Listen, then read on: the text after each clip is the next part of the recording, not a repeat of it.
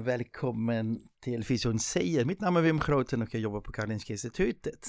Dagens ämne är lite aktuellt. Vi har haft precis ett handbolls-EM och då kunde jag inte låta bli att fråga Martin Asker som är naprapat och kommer till Fysion säger. Välkommen Martin! Tusen tack! Eh, kul att vara här Wim. Hur gick det då med handbollen? Eh, ja, vi, Sverige fick ett brons eh, till slut. Det var lite rafflande semifinal. Eh, Just det. Är det fortfarande sur? Ja, det, ja, men det är fortfarande lite bittert. Frankrike fick in ett mål där sista sekunden som blev omdiskuterat. Men vi, eh, vi kom hem med ett brons i alla fall efter. Just det, och varför pratar vi handboll då med dig? Eh, jo, det är nog för att jag eh, jobbar väldigt mycket med, med handboll. Vem är Martin Asker? Ja, vem är Martin Asker? Jag är som du nämnde naprapat mm. eh, i botten och eh, forskare vid Sofiahemmet, eh, mm. högskolan. Mm. Eh, och min forskning består framför allt utav skador inom eh, idrott och framförallt eh, titta på ungdomsidrotten. Just det. Med extra fokus på axel, knäskador och hjärnskakningar. Jo, mm. intressant. Mm. Jag tänkte, du disputerade på KI? Mm. Jag disputerade 2019 var det med en avhandling på axelskador och riskfaktorer eh, för axelskador hos unga handbollsspelare. Där vi undersökte incidens och prevalens och riskfaktorer för eh, axelskador hos spelare eller de elever som gick på, som går på handbollsgymnasium i Sverige. Just det, och då måste man mm. alltid nämna också lite handledare. Ja. Hur mycket hade du? Eh, som huvudhandledare så hade jag Eva Skillgate som är professor på eh, Sofiahemmet och Karolinska institutet. Och sen så hade jag Marcus Valdén som är docent vid Linköpings mm. universitet. Lena Holm, docent vid Karolinska institutet och eh, Henrik Kjellberg Oj. som är eh, disputerad och nu jobbar som statistiker på Folkhälsomyndigheten. Yes. Mm. Bra, men då börjar vi med idrott. Idrott är väl bra för hälsan, eller? Uh, ja, det, jo men överlag så skulle jag säga att det, det är att uh, vågskålen väger över till att ja. det, är, det, är en fördel. Sen uh, nackdelen är ju att man kan bli skadad. Ja. Uh, så är det. Precis, och mm. vilken typ av skador är då mest förekommande och vilka sporter är det? Har du någon koll? Ja, man kan ju, först kan man ju dela in det som sagt i det som vi kallar för overuse eller gradual onset som är, som är termen mer numera. Ja. Eh, och sen så de mer akuta eller traumatiska skadorna. Så att alla idrotter där du har kontakt antingen med motståndare eller med, med underlaget. Ja. Eh, de har oftast en högre incidens av de här traumatiska skadorna. Ja. Och de idrotter där vi har eh, mera repetitiva saker, du kastar massa gånger eller mm. du springer eller hoppar massa gånger så har vi mm. mera en lite högre incidens av de här overuse eller gradual onsets skadorna. Mm.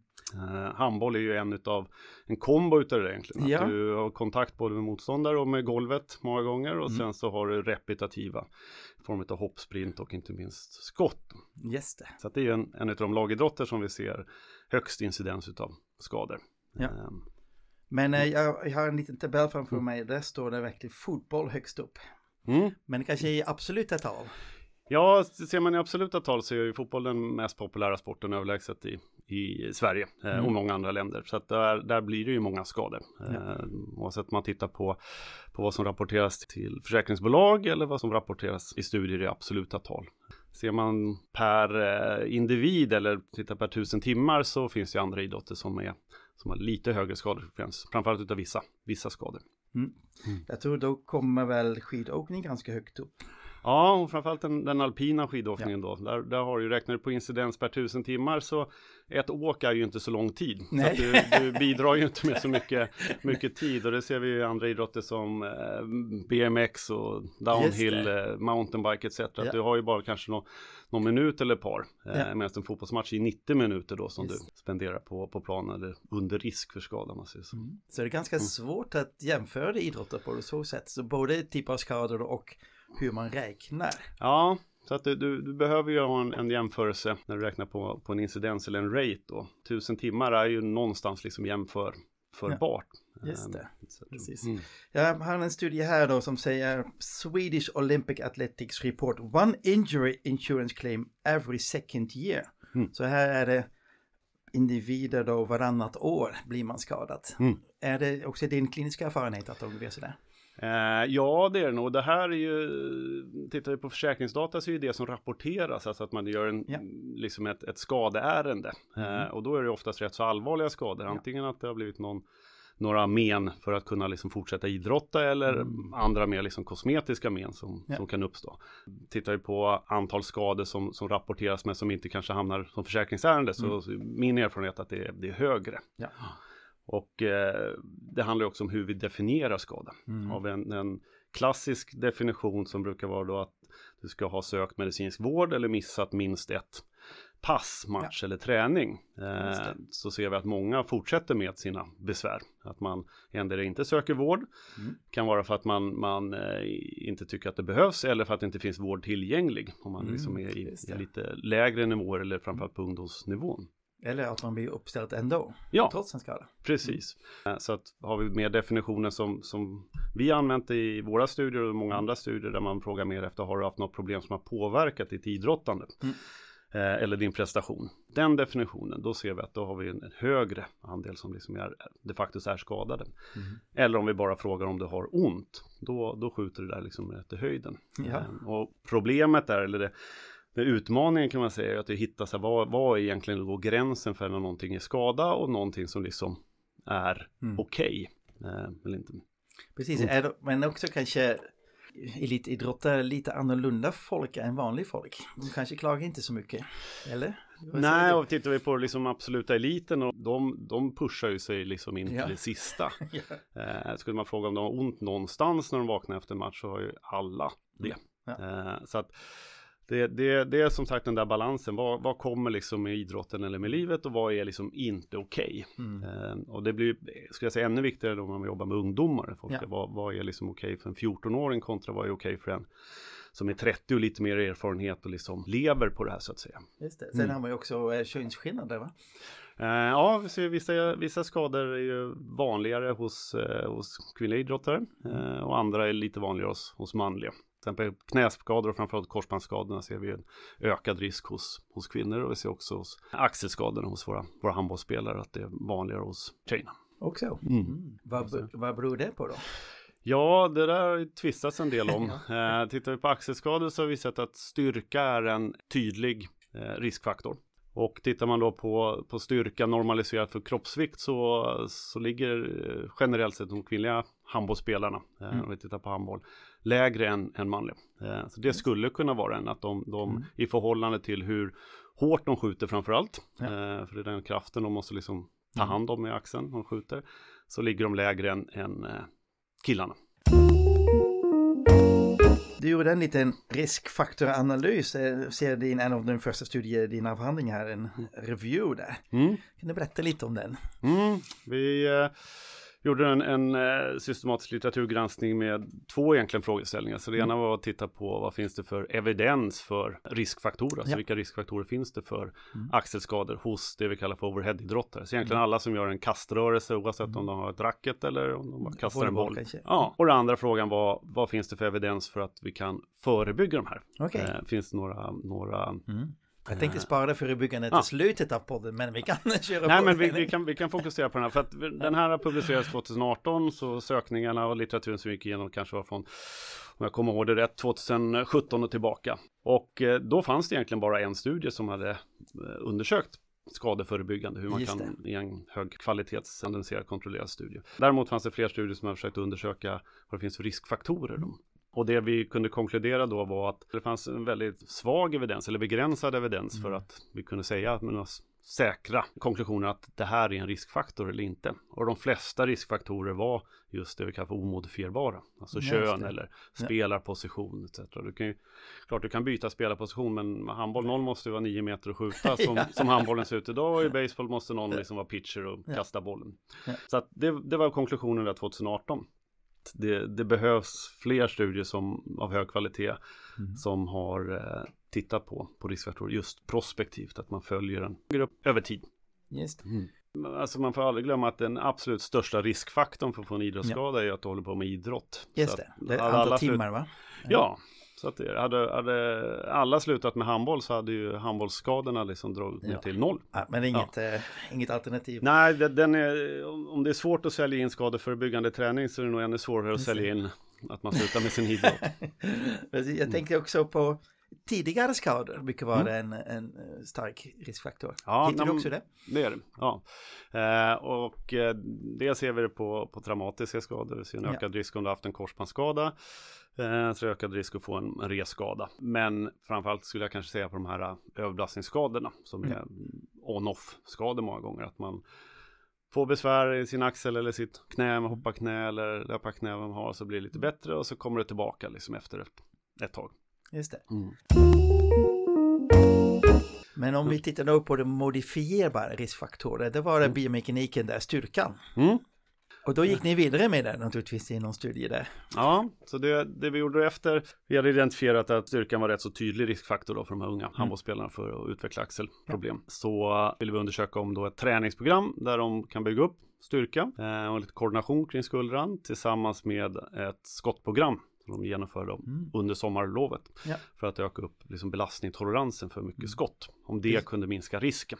Och det är off-season då på sommaren, eller hur? Ja, precis. Så handbollssäsongen, om man säger, den, den startar någon gång i slutet på augusti för de här ungdomarna och sen håller den på till maj. Ungefär ja. lite beroende på hur, hur, långt de går i sina mm. slutspel och ungdoms-SM etc. Och sen bygger man upp det under sommaren då. Vad, ja. vad, vad var det för övningar? Kan, kanske lite tips för folk ja, som sitter och lyssnar? Så alla övningar ligger på video på vår, vår hemsida. Så det är www.handballresearchgroup.com Eh, okay, så där har vi alla videos. Men egentligen så har fokus varit på mycket styrka i vridövningar, så utåt, inåt rotation på axeln i overhead-position. Ja. Och sen så en del stabilitetsövningar för axeln. Eh, mm. Som en kombo då att du ska bli stark i den här rotationsrörelsen som du gör när du skjuter. Mm. Men sen i handboll så har du också rätt så mycket brottning och puttning och drag etc. Så att vi vill bygga in Mm. det också. Jag tänkte när man, eh, ofta ser man dem hoppar och kastar och sen ramlar de och sen tar mm. de emot sig med ja. sina eh, axlar. Mm. Det känns, känns, inte så bra.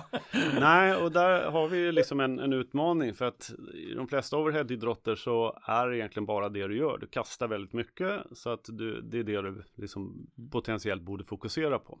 Uh, I handboll så har du någon som drar i armen och du kan liksom få blockerat skott som tar lite ja. liksom konstigt på armen. Ja, ja. Plus som du säger att man ramlar väldigt mycket på, på sin arm. Nu blir många fall blir på den icke-dominanta armen eh, som tur är. Men ändå också har du en hel del moment eh, som är lite olika för axeln som den ska klara av i mm. handboll.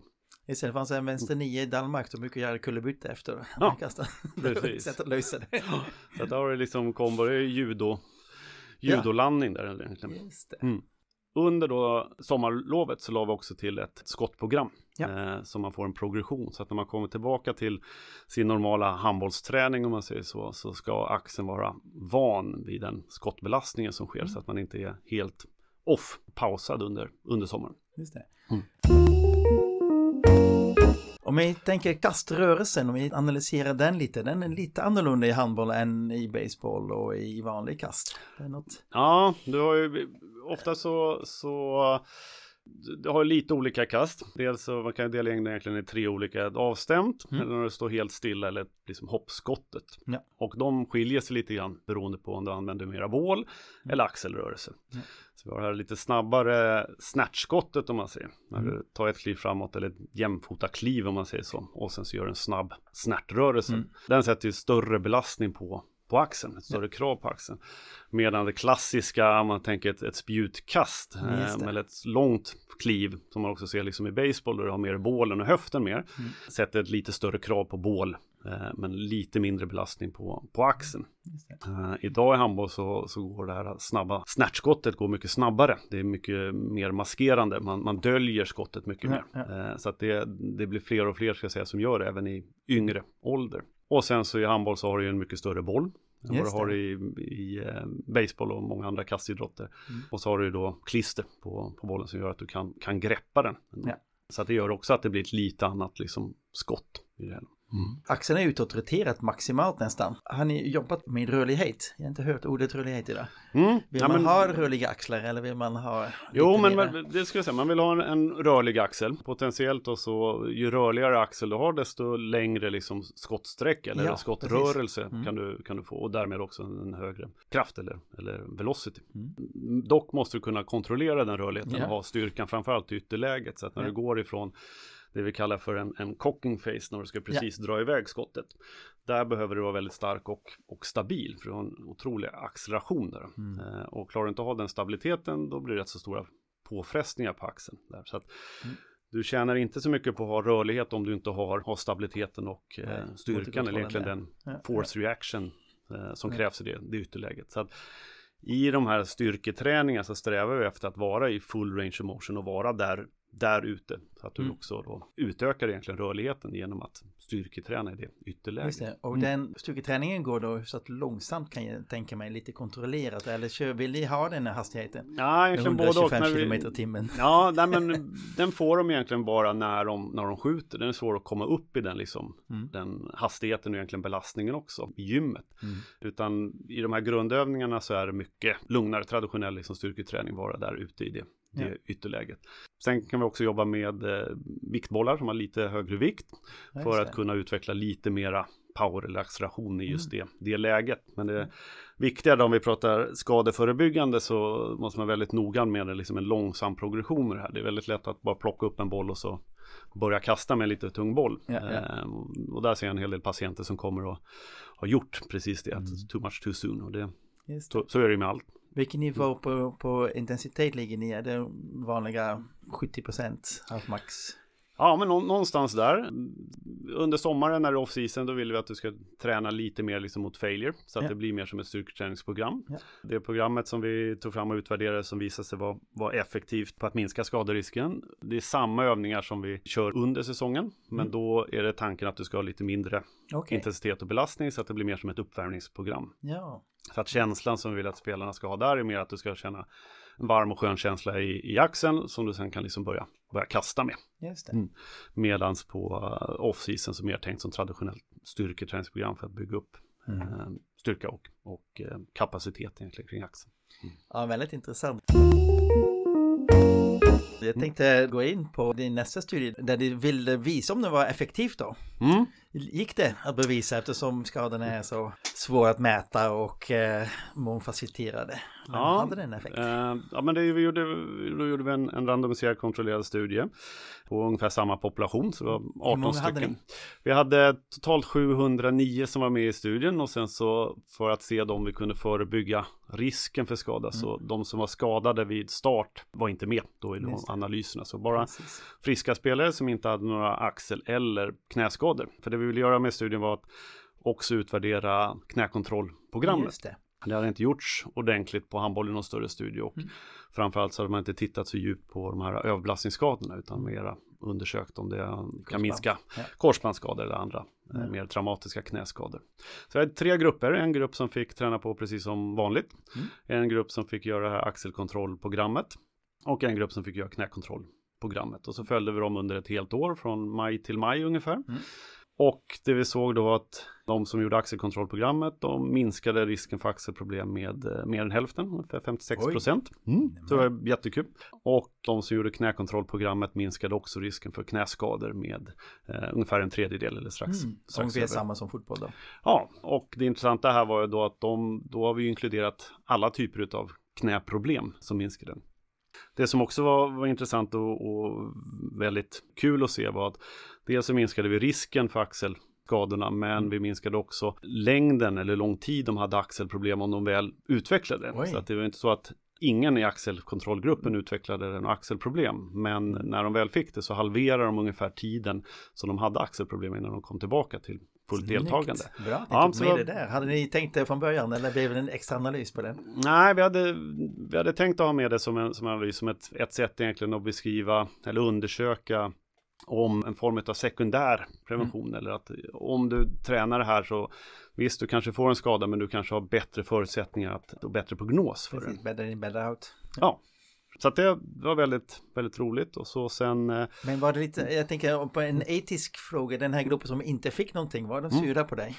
Eh, nej, den här, eh, det är ju inte oftast det roligaste de vet att göra. Så att det, det var få som, som okay. blev sura att de inte fick, skulle jag säga, att, eh, att vara med. Och sen så var ju informationen eller upplägget att om det här visar sig vara effektivt så skulle vi även ha genomgång med de här träningsprogrammen med de som var kontrollgrupp, vilket de, de fick direkt. En annan fråga om sådana här träningsstudier, hur var compliance eller adherence eller följsamhet säger vi på svenska tror jag. Ja, så att den eh, såg ut ungefär som det brukar se ut i de här studierna. Att vi, vi har rekommendationer att du ska göra det tre gånger i veckan. Ja, det blir två. Och det blir hälften ungefär det. Ja, okay. Så att de gjorde en och en halv gång i veckan ungefär i, okay. i snitt. Lite ja. mer sällan som de gjorde mm. eh, axelkontroll än eh, knäkontroll om man tittar på individnivå. Ja.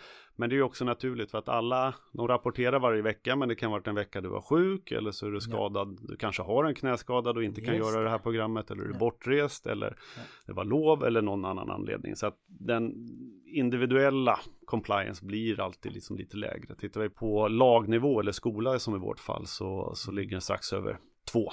Eh, så att de, 2,2 tror jag om jag har siffrorna helt rätt i mm. huvudet. Men, men strax över 2. Eh, ja, det är alltid svårt med mm. ungdomar då. Men är det en bra strategi då att ge lite extra att man vet att de ja, bara det här? Ja, det, det, skulle kunna vara då att man, man söker lite eller man, man eh, instruerar dem att göra lite mer och så vet man att man får i alla fall det, det här. Men det, det, vi har samma resultat ifrån Norge som gjorde en, en liknande studie innan oss på norska handbollsspelare på på vuxna då på deras högsta liga, dam och herr. Mm. Eh, och de rekommenderar tre gånger i veckan och de gjorde en och en halv ungefär. Så Mm. Eh, och vänder man på det så visar det sig att det var ändå effektfullt. Så att yes. då är frågan, ska man rekommendera en och en halv gång i veckan med risken mm. att det blir en halv gång i veckan istället? Just. Mm. Men då, då är det då ett preventivt program och du hittade i din review hittade du en och sen några norska studier. Har mm. vi evidens nu? Ja, inte, jag skulle säga att det, det, krävs nog lite, lite fler. På knän så skulle jag säga att där är det rätt så god evidens att det här eh, är effektivt. Ja. På axlar så är det relativt få. Det är, framförallt om man tittar idrottsspecifikt på, på handboll så är det tre, fyra studier bara. Ja. Så att eh, vi kan nog fortfarande inte säga att det, det är Men det lovande god evidens. Men det är lovande för att de, de pekar åt samma håll eh, när man tittar på de högkvalitativa studierna. Ja, just det, mm. snyggt efter avhandling blev du väldigt sugen att implementera det här då? Eller mm. har det redan lyckats med det? Eller hur ser det ja, men det som fortsättningen nu på de här två tidigare studierna, vi tittar på riskfaktorer och sen så undersökt om vi kan förebygga om det är effektfullt, är att vi vill undersöka vad händer nu om vi implementerar det här. Ja. Så att från och med 2020 så har eh, vi haft workshop med med handbollsgymnasierna, eh, de som varit med i studier. Och de har implementerat det här på handbolls gymnasierna. Eh, så nu har vi gjort uppföljningsstudier, så vi har följt de här. Det här är nu 2023, så det är fjärde året som vi följer dem nu. Oj. Eh, så att eh, Spännande. nu börjar vi ha lite siffror på gång. Så att under ja. det här året så kommer vi kunna presentera hur incidensen med axel och knäskador har sett ut och prevalensen och tittar mycket på antal veckor som man har besvär över mm. ett, ett lag eller ja, en population ja. som också ett mått på hur, hur, hur mycket problem är det här inom mm. den här sporten som ett mått. Så att eh, senare år så har vi förhoppningsvis svaret om vi har om det har lyckats att, att uh, minska de här besvären mm. jämfört med Måste bara berätta, när jag träffade Martin för några år sedan, var han precis i sina mätningar och uh, vad det, nu, nu låter det så enkelt, ja vi hittade lite prevalens, men jag har gjort hur många stycken mätningar som helst va? med en handhållen eh, sån här dynamometer. Mm. Berätta lite om den. 700 i studien och både inåt och utåt rotation, vänster och höger arm och... Ja, precis. Så att vi, I de första studierna så åkte vi ut till alla handbollsgymnasier som var med. Det var tio stycken då och en, totalt så i första studien så har vi 622 stycken eh, spelarsäsonger som varit ute och, och mätt de här. Eh, och Flera tester inåt, utåt rotation som du sa, isometriskt, excentriskt, abduktion, dominant, icke-dominant arm och sen så en subgrupp som vi eh, tittar på då uppföljningar under säsongen och ser ja. vad som händer med, med de här värdena under en handbollssäsong. Ja. Eh, så att eh, ja, x antal tusen, en bit över en 12, 13, 14 tusen kanske tester har det blivit. Eh, så att man eh, hur mår din axel då? Ja men den var bra, den var bra, bra träning. Eh, just då så, så var det kanske lite överbelastning men, ja, men det var allt för för vetenskapen. Nej, härligt att du ställde upp för det. Mm. Nej, för att ofta tycker jag det är svårt med dynamometrarna att uh, försökspersonen är starkare än vad man är själv. Ja, det, det är ju en, en nackdel, framförallt om man ska göra de här excentriska ja. testerna att det, det, finns då risk att man mäter sin egen styrka istället för den ja. som, eh, som man testar på. Så man får, om man får fram samma värde några gånger då känner man nej. Nej, precis. Det krävs lite, vi har gjort lite pilotstudier med många studenter som, som använder de här. Just det, reliabiliteten först. Ja, eh, så att tittar man på de, de forskargrupper som använt den här så, så har den väldigt hög reliabilitet. Men min erfarenhet är att det tar kanske en, en 150-200 tester eh, innan man själv har fått upp mm. känslan för att och landat i en, liksom en lite mer steady state eller mm. det här är, nu är det reliabelt för mig att kunna mäta det. Ja, ja. Mm. Och de mm. värdena har du också skrivit ner i en artikel, är det, är det Mm. För att nu har vi mest pratat skador, men jag kan tänka mig att du kan ett steg innan skador. Ser ni redan de som är svaga? Att det är de som Ja men precis, vi ser då framförallt, så det ser man andra studier också, att det startar säsongen med en, en lägre utåtrotationsstyrka isometriskt. Ja. Och där mäts på olika sätt i olika studier, ibland i vi säger då, 90 graders abduktion och mm. utåtrotation så att du är i den här skottpositionen. Ja. Och andra studier har mätt med armbågen in till kroppen, eh, utåt inåtrotation. Men det ska jag säga, samtliga studier har funnit att de som är svagare där har en ökad risk. Mäter ni förhållandet mellan inåt och utåtrotationsstyrkan? Ja, eh, det är också en del studier som har tittat då på ett ratio då, hur stark är du inåtrotation kontra ja. utåtrotation. Och då har det varit lite olika siffror från, från studie till studie, men någonstans verkar det vara så att de som har under 0,7 då, som, eh, som är att om du skulle ha 100 Newton, vi mäter i Newton, ja. 100 Newton inåtrotation ja. så bör det då vara över 70 Newton utåtrotation. Just det, man är eh, starkare på it. Ja, det är man, är man generellt. Eh, och det har, det har visat sig vara en, en indikator då på att här har en ökad risk. Vissa mm. studier är 0,67, andra är 0,7, ibland 0,75. Mm. Kliniskt eh, när jag jobbar med de här spelarna så brukar jag sikta på att komma upp till 0,8. Okay.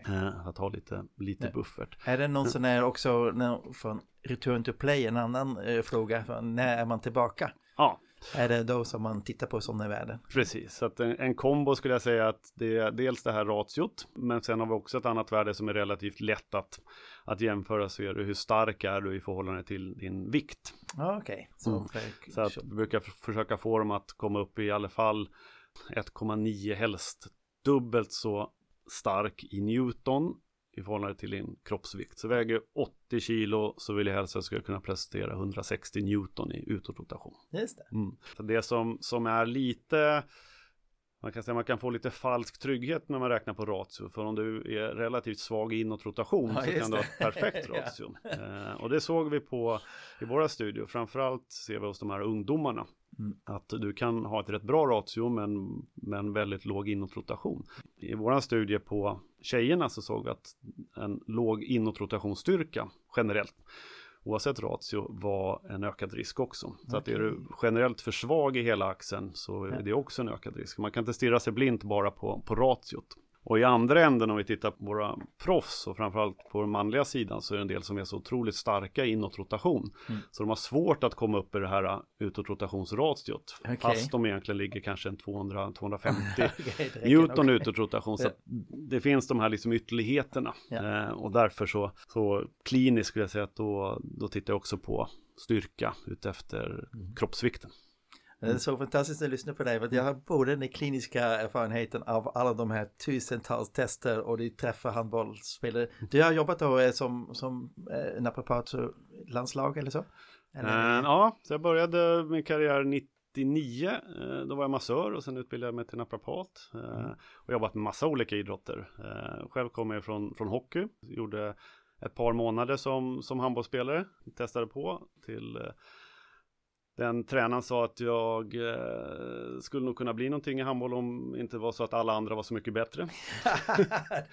det som vanligt. ja, det hade jag ungefär listat ut själv, så då, då valde jag hockey. Men eh, ja. som sagt, jag har jobbat i många olika idrotter, men mycket med, med handboll tidigt i min karriär. Och sen därifrån går det till forskningen och eh, får till det där kopplingen, för att jag tycker jag är ibland svårt att få, mm. få kliniker förstå forskning och forskare förstå kliniken. Ja, men det, det är inte alltid lätt. Eh, men det, jag har alltid tyckt att det var båda, dels har båda två delarna varit otroligt roligt och stimulerande. Mm. Eh, och otroligt roligt och stimulerande att göra forskning på det området egentligen som man jobbar med till vardags också. Mm. Så att eh, forska på de här uh, idrottarna och framförallt ungdomsspelarna och sen så träffar jag dem i kliniken liksom på ja. dagen efter.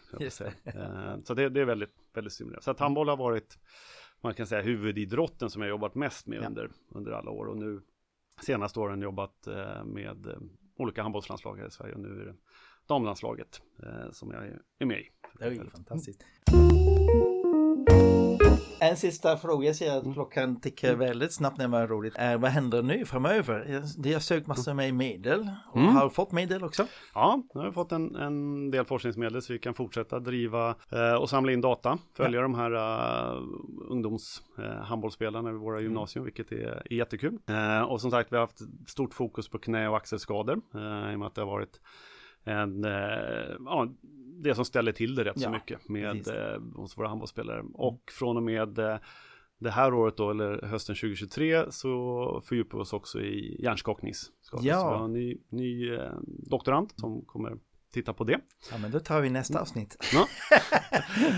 eh, så att det, det är det. Vi kommer som sagt att vi har en doktorand, Clara Onell, som är nutritionist i botten, ja. som undersöker kost och hur det är kopplat till, eh, till skador ja. Eh, med timing, frekvens och vad man äter. Och sen så har vi en doktorand, eh, Mina Berglöf, som undersöker då trenderna i skador och se om vi kan minska skadorna efter att vi har implementerat den här skadeförebyggande. Mm. Och sen så var den senaste doktorand i projektet Stefan Bolin som undersöker då riskfaktorer, prognos och return to play vid hjärnskakning eh, ja. i den här populationen. Så att det, är, det, är, det är mycket som händer och eh, mm. mycket nytt som förhoppningsvis kommer kunna publiceras och, och visas under det här året, vilket är jättekul.